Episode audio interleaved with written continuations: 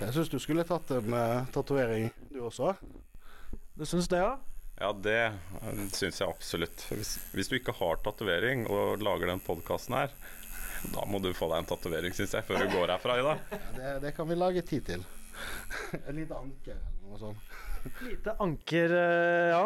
Er, jeg, vi får se. Det, nå fikk jeg litt presset på meg her. Det, men det ser jo tøft ut, så det er jo selvfølgelig noe jeg må vurdere. Men har du noe du tipser meg om anker? Er det noen andre heite tips?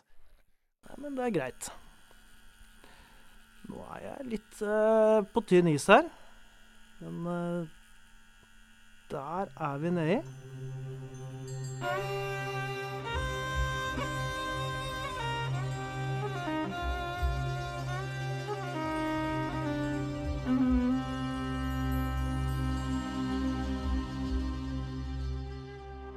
I denne sesongen av Tidløse historier skal jeg, Eivind Thorsen, prøve å finne ut av hva som egentlig er greia med sjømannstatoveringer, og om det lever i beste velgående den dag i dag.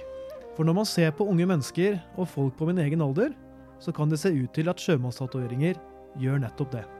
Men for å kunne finne ut av dette, må vi ha noen grunnkunnskaper på plass først. Derfor har jeg kontaktet forfatter og tatovør Tor Ola Svennevik med spørsmål om tatoveringens historie, og hvordan det har seg at nettopp sjøfolka er de vi, eller i hvert fall jeg, assosierer med tatoveringer. Tor Ola er som sagt tatovør, men han har også skrevet to bøker om sjømannstatoveringer og gjort et selvstendig forskningsarbeid på sjømannstatoveringer. Tor Ola har i dag et tatoveringsstudio i Bergen, så jeg ringer ham på Teams fra vårt podkaststudio her i Sandefjord. Jeg må bare spørre deg, du, du sier jo at du er fra en eh, akademisk, akademikerfamilie. Ja. Og tradisjonelt så var jo kanskje tatoveringer det var liksom ikke veldig vanlig før i tida, da, i, de, i, den type familier. Ble det litt sånn uh, Når du begynte å vise interesse for dette her, hvordan, uh, hvordan mottok foreldrene dine dette her, f.eks.? Det er egentlig mest far min jeg forholder meg til der. Det var han som var den eldste sånn bautaen på dette. Og han hadde jo i seg den der 50- og 60-tallspropagandaen som det jo var imot tatovering. Og samtidig som han hadde romantiserte bildet rundt og har sett det her på masse, han var veldig sjøfartsromantisk. Selv om han var utdanna i skoleverk og sånn, så var han gammel marinemann og i det hele tatt. Så til syvende og sist, når jeg da når han skjønte at det her var den veien jeg skulle, at det ikke var noe matematisk geni han hadde lagd, så støtta han meg i det. Mm. Det gjorde han. Eh, når jeg etter hvert kjøpte dyrt utstyr fra Amerika, så, så hjalp han meg å ordne med faksing i banken og i det hele tatt. Altså, så det var en støtte der. Og så utdanna jeg meg til gull- og sølvsmed. Så det var et fag som lå ganske nærme. Men man skal jo ha en utdanning, ikke sant. Så, mm. så jeg er jo formelt utdanna gull- og sølvsmed. Personlig har jeg hatt en forestilling om at tatoveringer har vært sett ned på i lange tider. I hvert fall siden kristendommen kom til Norge. Men hva Tor Ola forteller meg, er en annen historie. Ifølge han var ikke tatoveringer noe man nødvendigvis så ned på, for det var selve symbolikken som sto i fokus. Hedenske, altså ikke-kristne tatoveringer, var ikke noe man ønsket. Men tatoveringer med kristen symbolikk, som hedret det guddommelige, var mer enn velkomment. Vi vet at kirken har vært motstander av tatoveringer, men dette kom altså da ikke før i senere tid. Noe annet Tor Ole er opptatt av å få fram, er at tatoveringer ikke er noe europeere oppdaget ute på reise til andre kontinenter, for så å ta det med seg tilbake til Europa. Tatoveringer har vært der i alle tider. Og hvordan vet vi det? Vel, f.eks.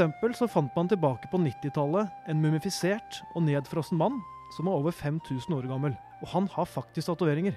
Øtzi heter han.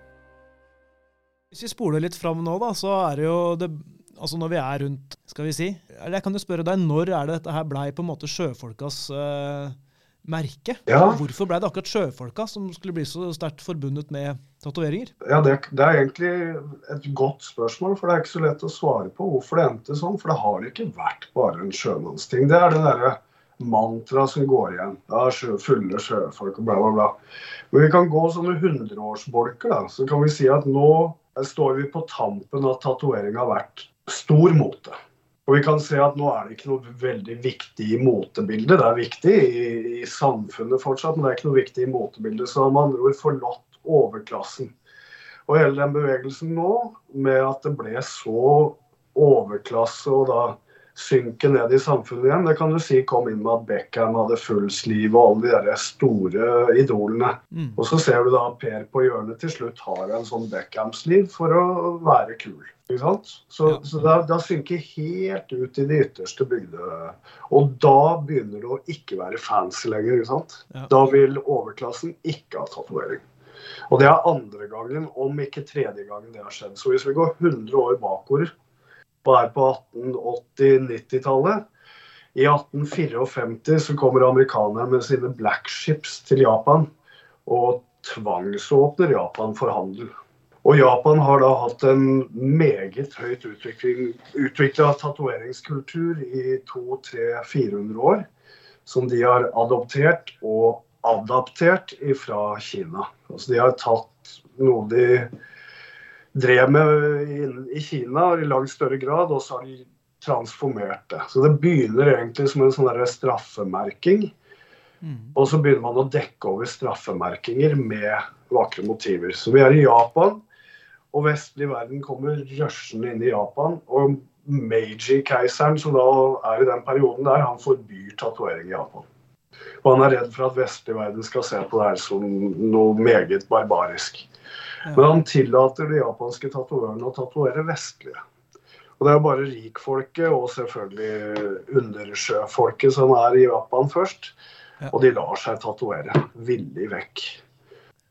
Og det er blitt tatt med hjem til Europa. Og, og, England, Frankrike, USA. Det, bare, det kommer som en kastevind med japonismen da, som vi kjenner ellers i kunstverdenen. Så kommer tatovering. Alle de rike som er altså, kongelige og sånn, det er jo også marinefolk og militære. Så det er jo allerede så er de veldig tidlig ute og får seg tatoveringer når de allerede er i Japan. Og de som er av en virkelig god klasse, de klarer å komme seg til Japan og bli tatovert i Tokyo hos en av de kjente som hadde en egen salong. Altså, det ble en kjempebusiness. Mm. Og så blir noen av tatoverene med over til Europa. Så det var en sånn, Der skjer det en kulturell utskiftning. Og da sjøfolka som kommer til Japan da, de er jo ikke fremmede for tatoveringer. Men tatovering da har vært veldig fagbeskrivende. Mm. Altså Hvis jeg var en slakter, så hadde jeg en okse og to kniver på armen f.eks. Eller hvis jeg var en sjømann, hadde jeg et anker. Og så, hvis jeg hadde den jobben som sjømann, hadde jeg en tatovering som viste det. Jobba jeg som dekksmann, så hadde jeg et rep eller en kjetting. Altså Det var veldig sånne beskrivende tatoveringer før. Eller hvis jeg var veldig religiøs, så var det det jeg hadde vist på meg sjøl. Og Så kommer man til Japan da, og så sier man herregud, man kan jo drive med tatto som pynt. Det er ornamentikk, det er, det, det er jo kunst. Og da tar det helt av. Og enhver overklasserepresentant med respekt for seg sjøl i Europa og USA lar seg tatovere, enten i Japan eller hos en innreisende tatovør. Eller kanskje en nesteleddsatatovør som har lært av en japaner, og som er liksom ekte innafor. For det skjedde en overføring der. Og da er tatovering high class. Det koster masse penger. Og, og vi kan sette en lang rekke med kongler som blir tatovert. Men et godt eksempel er mor til Winston Churchill, som jo bare var så upper class posh som du kunne. Hun ble da tatovert av en av de viktige japanske tatovørene på 1880-tallet. Jeg husker ikke helt spesifikt. Og hun får en slange oppover underarmen. Men hun uttaler da i et intervju i 1915-1920 der omkring, så blir hun spurt hvorfor hun ikke viser fram tatoveringen sin lenger i sosietetsmiddager. Så sier hun 'it's so common'. OK. Ikke sant? Det har blitt en vanlig ting. Og da har du for å, Da prøver jeg å skulle svare litt på spørsmålet ditt igjen. Der begynner sjøfolket å ta tilbake det her. Da har sjøfolket de har veldig sterk hang til det her. Og så har sosieteten og alle mulige tatovert seg. Det står i New York Post i 1903 at nå er det ikke bare sjømenn og horer som tatoveres lenger. Nå tatoveres alle. Enhver kvinne skal ha en tatovering. Og det er jo sånn som Aftenposten også skrev i 2003, når vi kom med den forrige boka. ikke sant? Mm.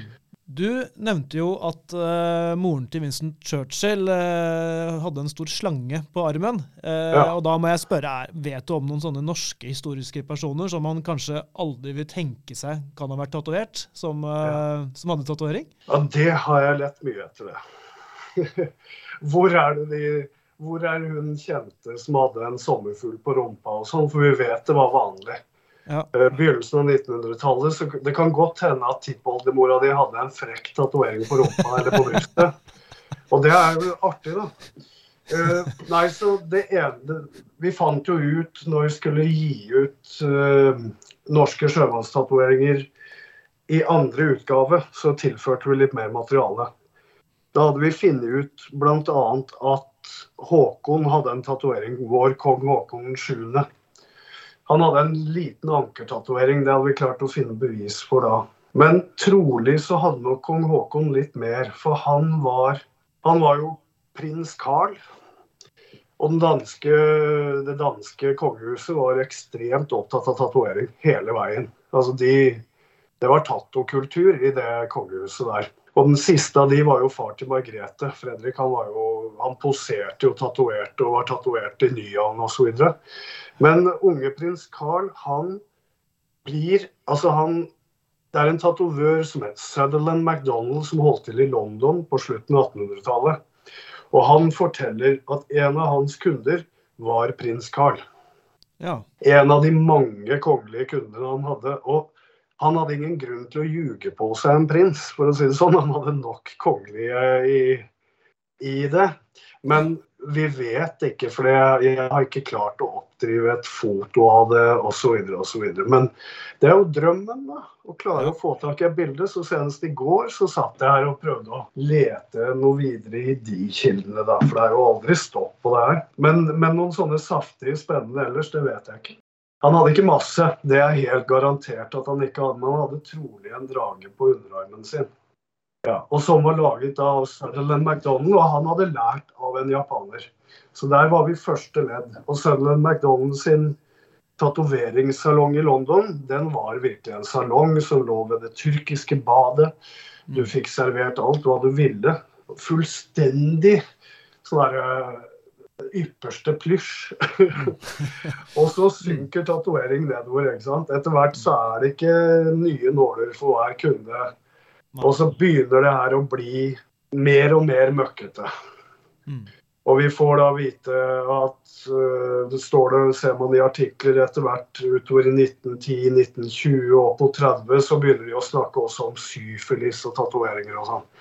Så har det tydeligvis blitt så mange links da imellom. En som virkelig kunne noe, og en som bare dreiv med det her fordi det var litt penger i det. da, ikke sant? Mm, mm. Og som ikke egentlig brydde seg om det. Så der, vi har liksom hele spekteret, da. Fra de fantastiske til de helt sånn utrolig keitete. Og de som da ble forbundet med det her, var kanskje noen som hadde fått seg litt syfilis, og så blanda de opp blekket sitt. Det blekket hadde blitt litt tørt, så de bare tweet, og så. Hadde de nå brukt den nåla fra før, og så var det spyttet var fullt av osv. Så, videre, og så, videre. så det var noen sånne tilfeller etter hvert. da. Ja. Men når vi er på slutten av 1800-tallet, så er det her en veldig rent og, og, og, skikkelig greie. De snakker om bedøvelsessprøyter, de snakker om sterilitet osv. Så, videre. så det er virkelig på stell. Så da har vi gått i spørsmålet har vi gått av to bolker. Tatovering er fullstendig allemannseie på slutten av 1800, begynnelsen av 1900, helt som det har vært her slutten av 1990, hvor vi da har sett Tato bare stige som en påla oppover. ikke sant? Du husker var det på festival i 2001, så var det ikke noen som ikke hadde en eller annen tribal-tato eller et eller annet ja, ja. kjekt kult. Så det har bare gått oppover som en påla sånn. Og så kan vi gå enda et hakk tilbake. Vi kan håpe på 17. På slutten av 1700-tallet og hvor de da har gjort de store oppdagelsene i Polynesia osv. Og, og, og da er jo også overklassen ekstremt opptatt av tatovering. Oh, you find a tattooed one, ikke sant? så tar du med den hjem til hoffet vårt her. For nå vil vi gjerne se på det. Om det var prins Omai fra Polynesia, eller om det var eh, ja, inuittene som ble fanga inn eh, på godt hold. Det Tor Ola snakker om her, er hva vi i dag omtaler som levende utstillinger, som var populært i Europa og Amerika på 1800-tallet og første del av 1900-tallet. De levende utstillingene var ment som både underholdning, men også opplysning for de skuelystne. Historien om de levende museene fortjener mer oppmerksomhet enn vi har mulighet til å gi i denne podkasten. Derfor vil jeg anbefale deg å lese litt om det selv. Det finnes masse fagstoff som er godt skrevet og lett tilgjengelig på nett om dette Da Det har vært mye propaganda som gjør at Tato er bare tvunget vekk fra samfunnet, så er det bare sjøfolka som står igjen med det. Så der er vi. Det blir på en måte bare Det har vært der det har overlevd, for det har vært så viktig for de sjøfolka som ikke kan ha noen andre ting å vise til. Har du de tatoveringene, så er det ingen som kan ta fra deg det. ikke sant? Till death and six months, som det het før. Og hvis jeg, jeg kunne jo være så lav byrd jeg ville, men nå hadde jeg vært ute på sjøen et helt liv og overlevd et helt liv på skuter. Og på alle verdenshav så kunne jo enhver lese av min kropp i 1870 at jeg hadde hatt så og så mange nautiske mil. Jeg hadde vært over havet der. Jeg hadde runda Kapp Horn sånn. Jeg hadde til og med vært i Sør-Kina-havet, for jeg hadde en drage på ryggen. ikke sant? Så, så en sjømann på den tida, før liksom den store Japan-blomstringa kommer, kunne man lese som en bok. Og det er jo, det er jo merittering. Det er, det er hierarkisk. ikke sant? Mm. Så det, er, altså det var på en måte en dokumentasjon, en livsdokumentasjon, på en måte, da. Ting man hadde Definitivt. opplevd og sånt. Og det er det som er kan du si, arven fra Polynesia, eller arven fra det tribal, da. Fra det stammekulturen, hva, og, og som vi trolig også har med oss her, da. Vi vet jo ikke om vikingene var tatovert, men trolig var de det fordi en arabisk kilde sier sånn, og det er så mange andre indisier. Men da er det jo, snakker man jo stort sett om å fortelle om meritter. Det er ikke alle som får blitt tatovert. Det er den som har gjort viktige begivenheter eller har en høyere byrd og sånn. Så vi vet at fra Altså de som kaltes Patsiryk-folket, som holdt til i, i nåværende vest, sørvest-Sibir, eller altså de Altai-fjellene og sånn, de hadde jo fantastiske tatoveringer, men det var forbeholdt eliten. Det Tor Ola forteller om, er tradisjoner med lange røtter, både på godt og vondt. Og personlig har jeg ingen tatoveringer. Og jeg har fortsatt til gode å se noen bli tatovert. Det skal jeg gjøre noe med senere i episoden. Men før det setter jeg meg ned med kollega og direktør for Haugar kunstmuseum, Ida Bringedal, for å få vite mer om tatoveringenes plass i kunstverden. Da har vi fått satt oss ned her på kontoret på Haugar kunstmuseum, og vi er på kontoret til direktøren her, Ida Bringedal. Hallo, hallo. Hallo, og tusen takk for at du eh, tar deg tid til å slå an prat. Bare hyggelig. I tillegg til å være direktør, er Ida også kurator. Hun har skrevet om kunstpolitikk og jobbet med å utdanne kunstnere. Jeg stoler derfor på at Ida kan gi en god innsikt i kunstens verden når jeg setter meg ned på kontoret hennes. Du, har jo, Jeg har jo nå reist rundt og intervjua mange ulike folk eh, om tatoveringer. Og eh, der har jeg fått høre flere steder at mange ser på det her som kunst, en kunstform. Og Derfor eh, har jeg tatt turen hit da, for å høre med altså, kunst, eh, de som kan dette skikkelig. Er det, er det mulig, er det riktig å kalle tatovering for en type kunst? Godt spørsmål. Eh, Det å definere kunst, det er jo et ganske sånn stort og vanskelig spørsmål i seg sjøl. Eh, fordi, eh, ikke minst med tanke på liksom kunsten som kommer fra de siste 100 årene omtrent. For det er så mange uttrykk og ideer eh, som både forstås og omsettes som kunstverk. For det er ikke lenger imitasjon av virkeligheten, men f.eks. mange abstraksjoner og fortolkninger av den. Det er heller ikke begrenset til ett eksklusivt uttrykk eller én måte å gjøre det på. Hvordan man jobber med kunst eller kunstfeltene i dag. Jeg syns kanskje at den beste teorien som vi har nå, eh, på hvordan definere eh, kunst, det er institusjonsteorien. Eh, og det er kunsten definert som kunst dersom institusjonen sier det. Eh, Det betyr ikke at hvem som helst kan definere hva som helst som kunst, så lenge man bare starter et galleri hjemme i stua og kaller seg selv direktør. Det er litt mer komplisert enn som så. Og de fleste vet sikkert at eh, de som både jobber på kunstinstitusjoner, sånn som et kunstmuseum, har lang bakgrunn før de selv kan definere dette landskapet videre, da. Eh, F.eks. ved å fremheve glemte eller ukjente kunstnerskap. Du må ha en, eh, en legitimitet eh, for å gjøre dette troverdig, kan du si. Og i et sånt perspektiv så kan tatoveringer absolutt være kunst, men ikke per se. En tatovering kan være et kunstverk i en gitt setting. Men husk da at det kan like gjerne være det å tatovere som er kunst, mm. som en tatovering. Eh, for det er jo helt opp til kunstneren hvordan verket skal se ut. Men Ida, når du som kunstkjenner ser på en særdeles godt laget tatovering, ser du noe av eh, kunstnerisk verdi i den da? For å være helt ærlig så kan jeg veldig lite om tatoveringer, så det må bare liksom ligge til grunn her. Eh, men på generelt grunnlag så klarer jeg å skille mellom tatoveringer som jeg syns ser mer tradisjonelle ut, og tatoveringer som kanskje har et mer kunstnerisk preg. Noen tatovører er garantert flinkere tegnere enn andre. Og jeg vil tro at eh, noen er bedre til å gjøre selve tatoveringen også. Eh, men generelt så er de jo ikke laget som kunstverk, eller definert som det, men nettopp som tatoveringer. Og da syns jeg det blir litt på siden å tillegge dem særlig grad av kunstnerisk verdi. Som sagt så kan jeg anerkjenne en skisse eller en tegning som mer interessant enn en annen. Det fins kunstteorier som handler om det her òg. Altså om f.eks. tatoveringer som kunst. Og da må du legge inn liksom en annen kunstdefinisjon til grunn.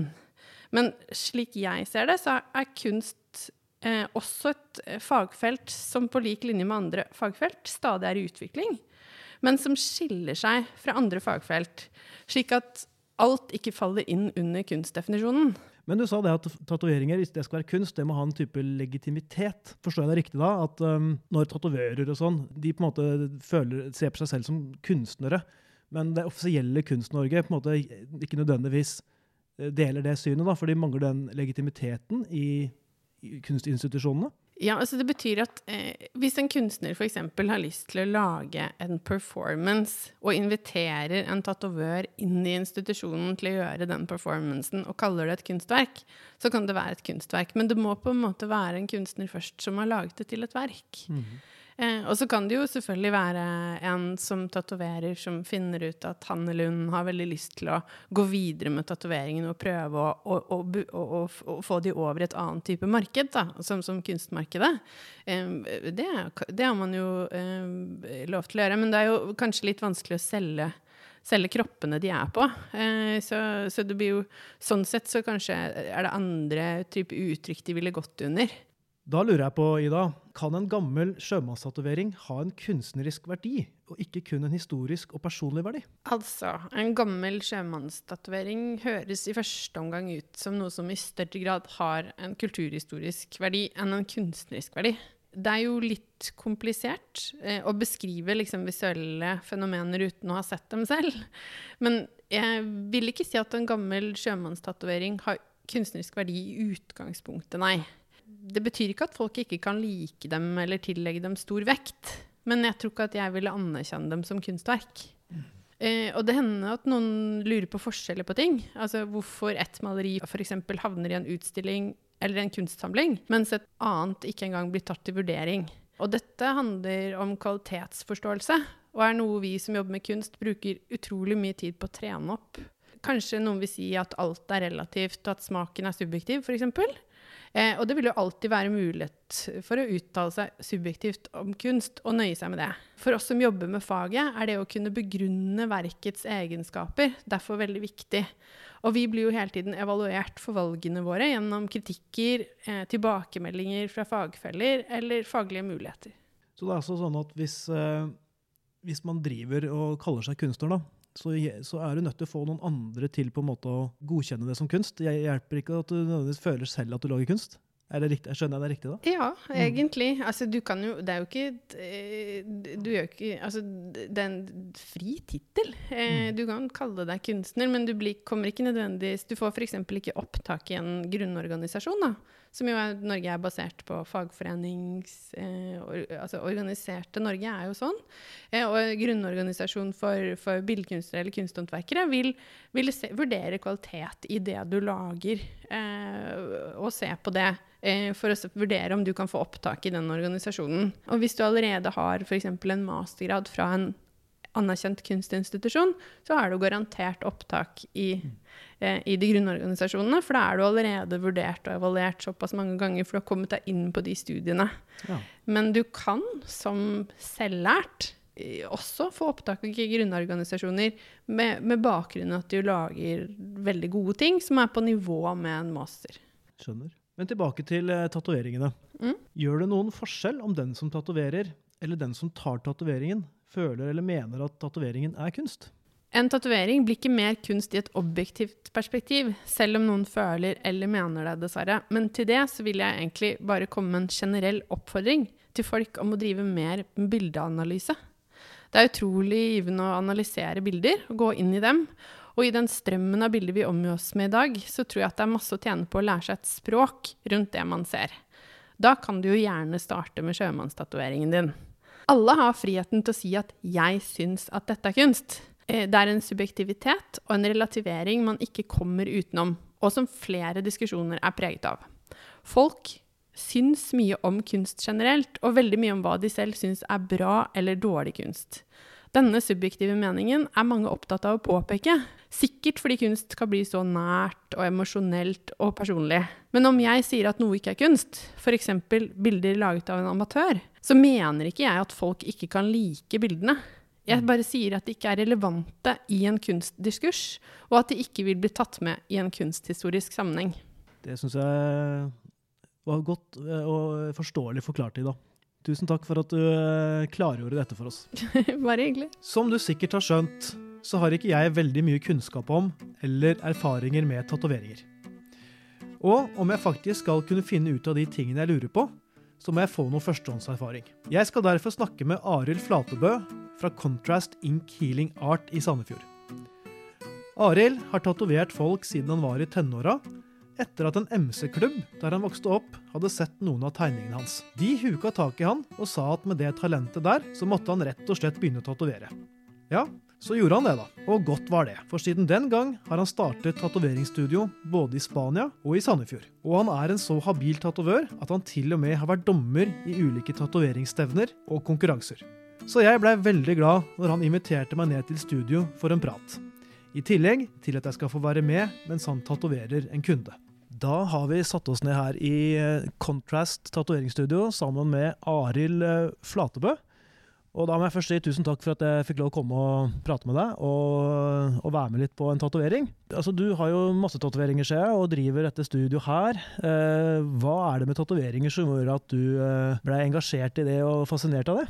Åh, det er en lang historie. Um, jeg har tegna siden jeg var tre år. To-tre år. Og um, jeg er oppvokst i ei bygd i Hardanger. Og um, de gikk jo rundt med, med tusj og penn og tegnet på alt som var. Tagging, eller? Ja, det er også etter hvert. Ja. Um, så uh, det var sånn der campingbord, sånn som rasteplass, Ja, ja. som var nedtegna.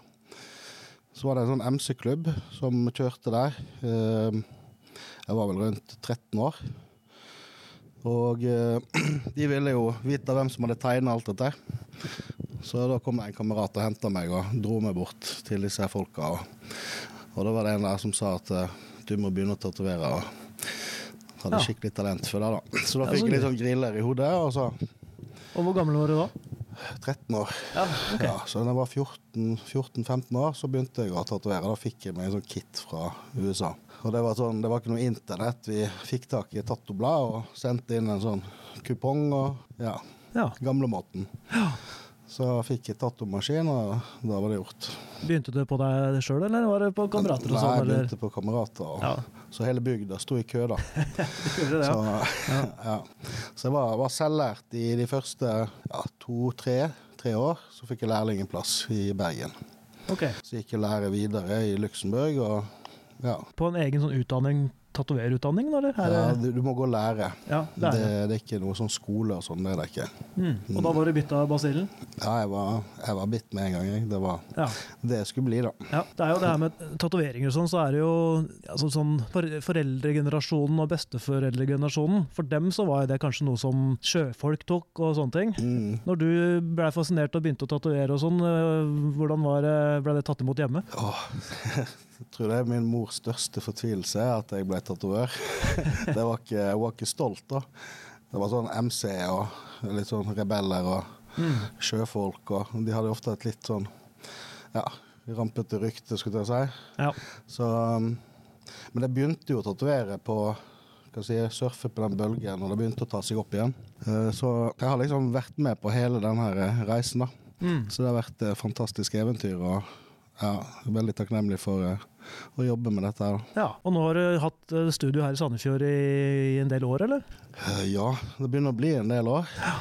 Lokalene her er vel 12-13 år. Og um, så har jeg jobbet en del år i utlandet. Hatt studio der og Ja. jobbet rundt I Europa, eller? Ja. Ja. Mm. Så Kontrast åpna jeg i Spania da, først. Okay. Så jeg drev studio der en del år.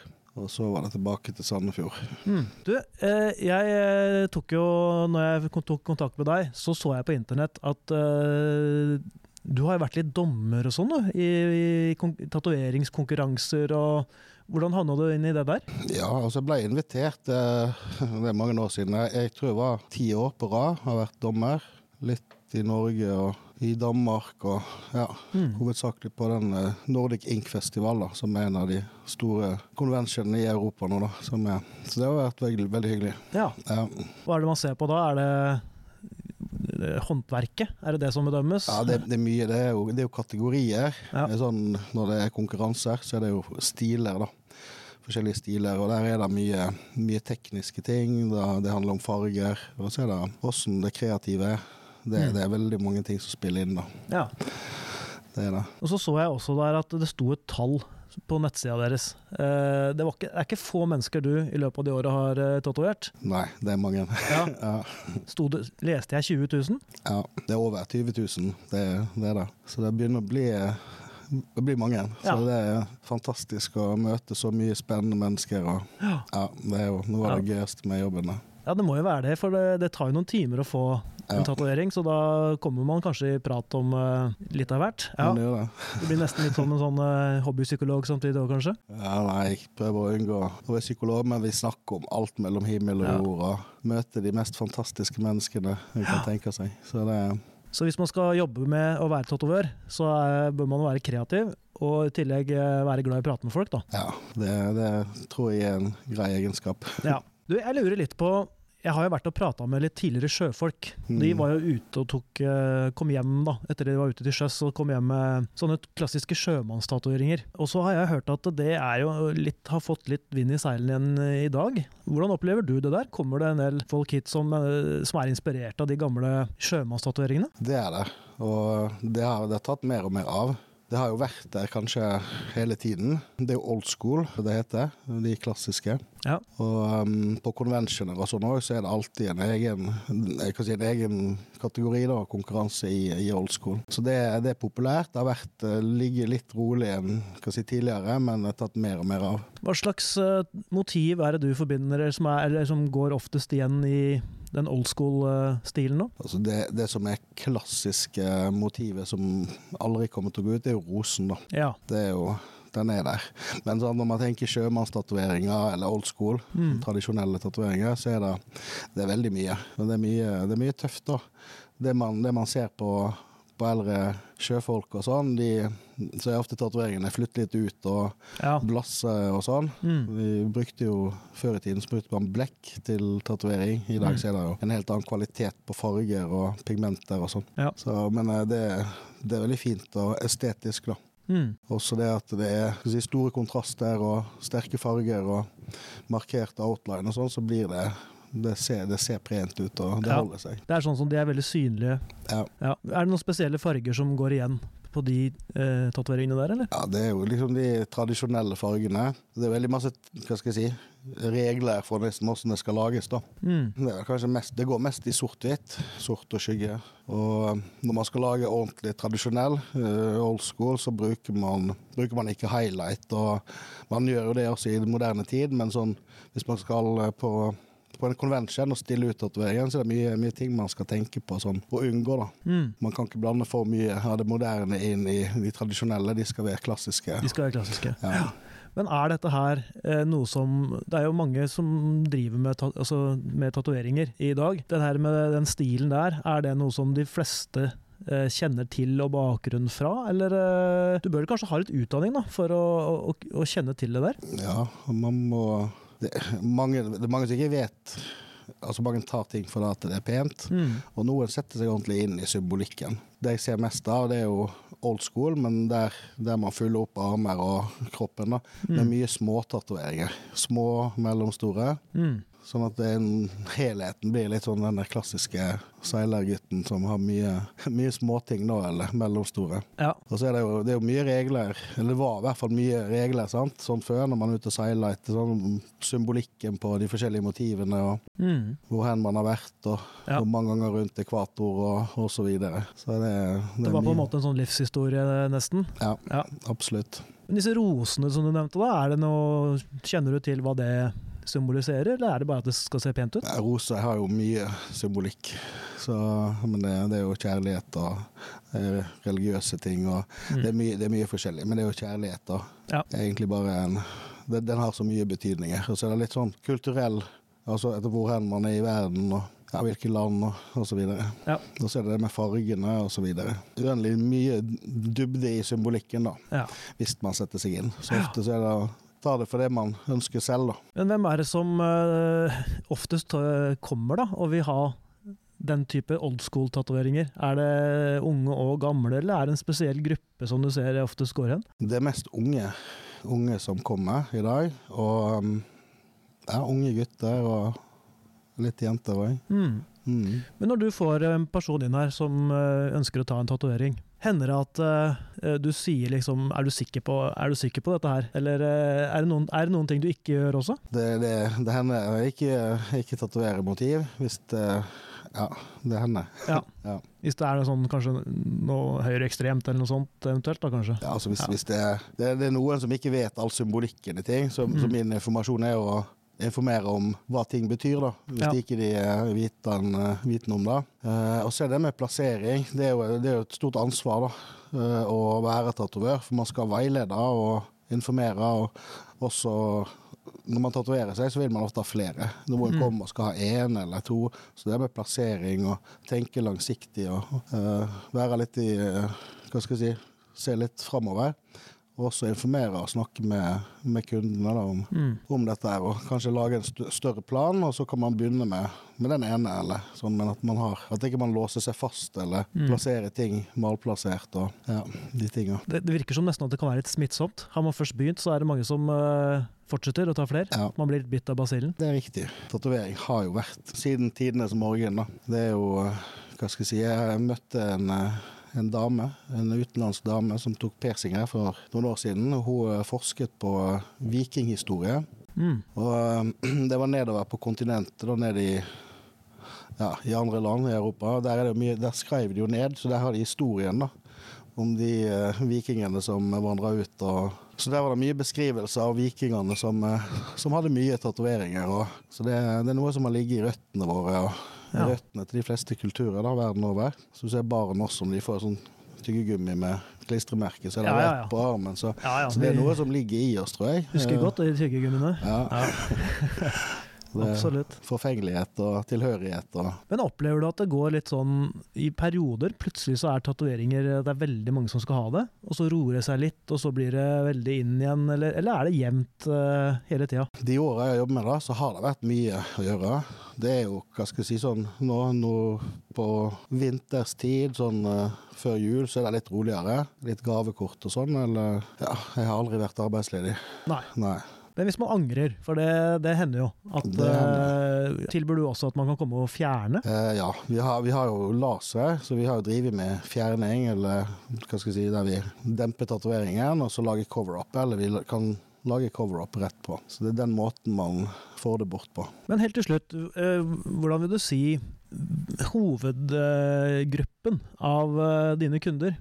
Er det en spesiell aldersgruppe, eller eh, er det mest menn f.eks., eller er det kvinner? Hvem, hvem er det som tatoverer seg oftest? Det er mest kvinner, det er det. Sier du det, ja? Og aldersgruppe, det er jo litt mer yngre, men eh, vi har alle. Der har vi opp til eldste jeg har tatovert, er 85 år. Så, 85, ja. Ja. ja. Det er ingen alder, altså vi har jo aldersgrense nedover, men Ja. uh, det er blitt akseptert. og Det er veldig mange som har hatt en drøm ikke sant? og har hatt lyst på det, men det har vært litt tabu og, og sånn opp gjennom tidene. Men, eh, men eh, de tinga er mer eller mindre helt borte i dag. Men er det noe forskjell på motivet som menn og kvinner velger? Det er det ofte. Ja. Hva er det som på en måte er eh, typisk for eh, kvinner, liksom? Og hva, hva er forskjellen på Det er sånn, der er det sånn bølger også, sant? litt sånn moteting Mm. fra år til år. og Jenter tar ofte små, små ting, men Mm. også mye store. da. Det, det er noe som Man tar liksom det som ligger hjertet nærmest. Ja. Men det er litt sånn motebølger som er ja, fra år til år og litt sånn. Så Mm. Jeg husker jo den der eh, piggtråden til Pamela Andersen på, Mm. på 90-tallet. Den var det vel en del som uh, ville ha. det var det. Ja. Nei, men du Arild, tusen takk. Nå har kunden som skal tatovere seg kommet, Ja. så da får vi si hei og veksle et par ord med han Det også. må vi gjøre. Ja, tusen takk.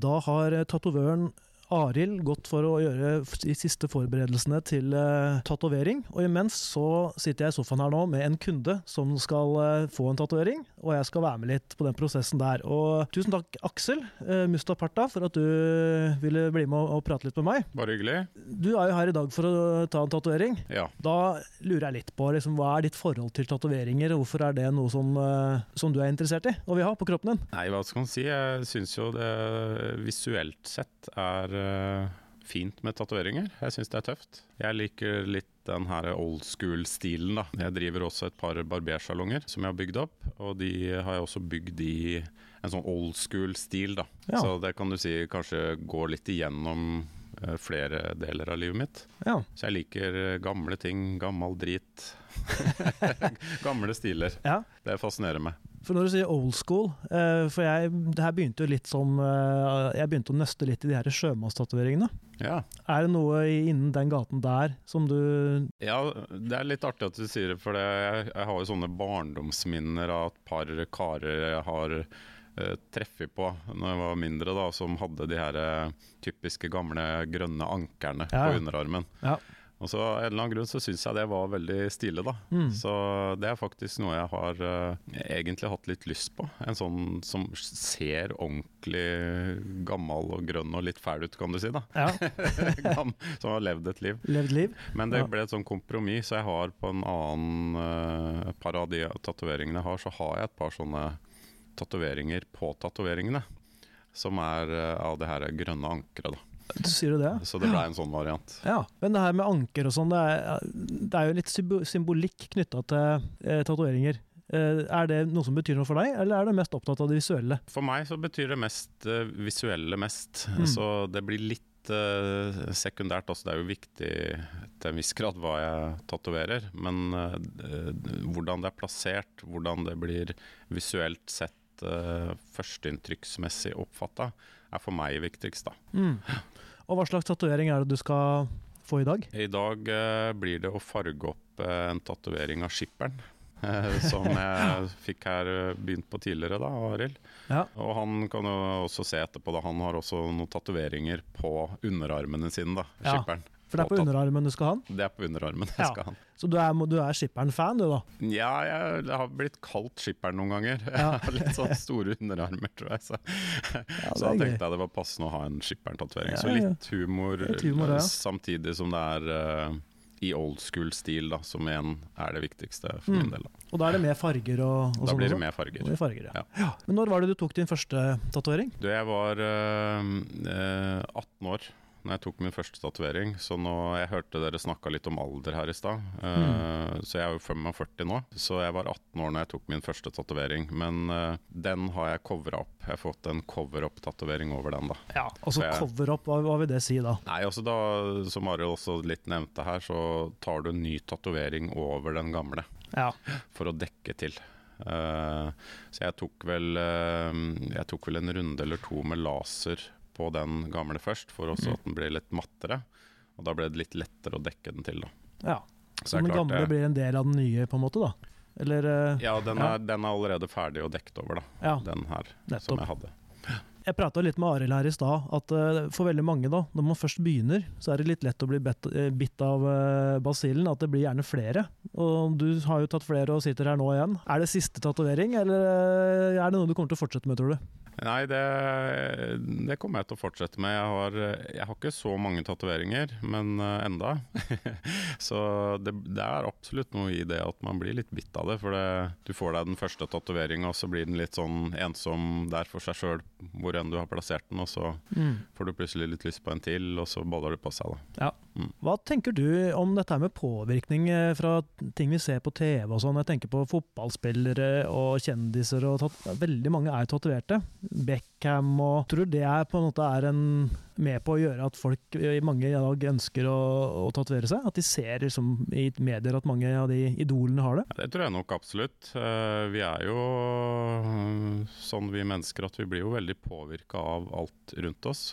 Og det tror jeg vi gjør også absolutt av det her. Og det kan jo også være at uh, det er jo ikke så mange år tilbake vi skal før tatoveringer var litt mer sært, kanskje. Uh, så de, de her stilikonene eller motebildene, forbildene eller eh, hva skal man si, sånn som Beckham, da, de, de gjør jo kanskje tatovering på en måte litt mer stuereint, eller litt mer hverdagslig, kanskje. da. Mm. Så ja, jeg tror absolutt vi blir påvirka av det. Ja. For du skal jo ikke lenger tilbake enn eh, Ja, du er 45, jeg er 43. Hvis du Ja. tar vår eh, foreldregenerasjon, da. Ja, At uh, det var nok flere som, av den generasjonen som uh, hadde rynker på øyebryna. Uh, for de forbandt jo kanskje da med Kanskje noe litt tvilsomt, da, og kanskje er generasjonen før der igjen. At det var gjerne sjøfolk og MC-karer og sånne ting, mens i dag så er det jo helt uh, allemannseie. ja det, vi har litt sånne diskusjoner. Som jeg nevnte, jeg jobber jo med, i barbersalong, da. Mm. Og klipper mye mannfolk og, og trimmer skjegg. Så vi har mange sånne diskusjoner om, om det her som Hvordan ting forandrer seg. Mm. Du kan jo også ta skjegg, f.eks., bare for å gå kjapt inn Ja, ja, på det. Det er ja. ikke så mange år siden det heller var litt sånn Ja, det, var- da var det biker, eller du var den skjeggbusa hvis du hadde litt Mm. lengre skjegg enn vanlig. Og nå plutselig er det helt allment uh, vanlig, kan du si. da. Ja, ja. Så det å skille seg ut, Ja. Det blir på en måte vanskeligere og vanskeligere, tror jeg. Ja. Så å ta seg en tatovering i dag for å skille seg ut, det blir kanskje heller stikk motsatt. ja. Jeg snakka med en tatovør her. Han fortalte at uh, moren til Winston Churchill da er vi liksom på tidlig på 1900-tallet, tok en sånn svær slange på armen. Og etter hvert så For det var sånn overklassen der, da. Og så begynte hun å skjule den. Og når folk spurte hvorfor, eh, hvorfor viser du ikke slangetatoveringa på underarmen, så sa hun bare at eh, it's so common. Så da var det sånn alle hadde det lenger, da. Eh, hadde det. Ja. Men det er gøy det du sier med skjegg og sånn, for det var en periode der hvor eh, jeg mener altså, veldig mange hadde skjegg og brygga øl i kjelleren. Ja, At det var litt den der Det var en sånn eh, tid der. det var det. Mm. Du, eh, tusen takk for at du ville slå en prat nå. Og så skal vi være med litt videre når du setter deg i stolen, og høre litt åssen det her eh, føles og, eh, for deg. Hyggelig.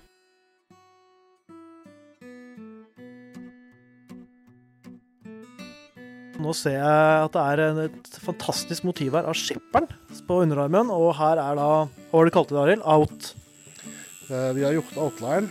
Eh, Vi har hatt en eh, runde. Så outline, powerlines og ja, grunnarbeidet, det, er- det er gjort.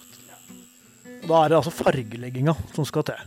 Og jeg må si, Du ser jo veldig rolig og avslappa ut. Du er ikke redd for uh, smerter uh, eller uh, noe sånt. Du har gjort det før, ser jeg her.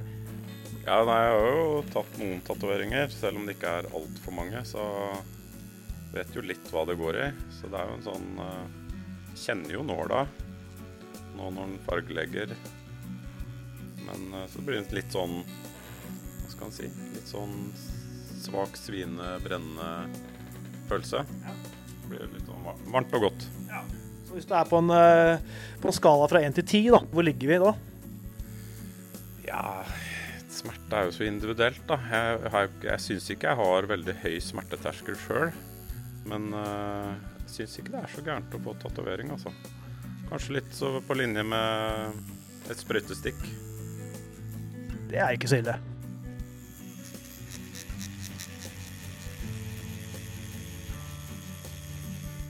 Da er det altså en grønnfarge her, som eh, er eh, på skipperens eh, Skjorta hans, altså den her matrosdrakten. Ja. Jeg må si den er veldig detaljert, altså.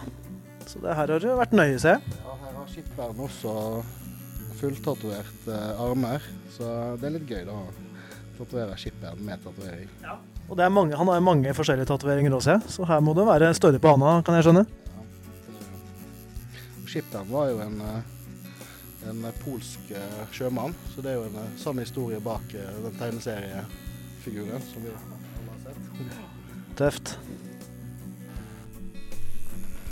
Jeg syns du skulle tatt en uh, tatovering, du også. Du syns det, ja? Ja, det syns jeg absolutt. Hvis, hvis du ikke har tatovering og lager den podkasten her, da må du få deg en tatovering, syns jeg, før du går herfra i dag. Ja, det, det kan vi lage tid til. Et lite anker eller noe sånt. Lite anker eh, Ja, er, jeg, vi får se. Det, nå fikk jeg litt presset på meg her. Ehm, men det ser jo tøft ut, så det er selvfølgelig noe jeg må vurdere. Men har du noe du tipser meg om anker? Er det noen andre heite tips? Det er mye, mye Det er jo et univers. Men er siden nå, nå bare var det første jeg tenkte på, da. Siden du lager noe om old school og tradisjonell tatovering, og vi sitter her med skipperen. Så bli tro, tro, håp og kjærlighet når du anker hjertet og ja, kors. Ja, der fikk jeg litt presset på meg. Vi får, eh, jeg får gå og ta en vurdering eh, på det der. Men eh, om det blir tatovering eller ikke, det vet jeg ikke. Men det jeg kan si, er at du er veldig flink. Og jeg ser at det blir veldig veldig fine tatoveringer. Så jeg kan forstå at, at du har bikka 20 000 uh, tatoverte folk. At de kommer hit, det er ikke vanskelig å skjønne. Da har jeg fått en utfordring her, for uh, det skal være en liten prikk på denne tatoveringen som jeg faktisk skal få lov til å tatovere. Og du er helt sikker på at dette her er noe du, noe du vil, altså? Akkurat nå så ble jeg litt usikker, men uh, ja da, kjør på. OK, ja, men det er greit. Nå er jeg litt på tynn is her. Men eh, der er vi nedi. Nå er jeg faktisk tatovør. Litt til.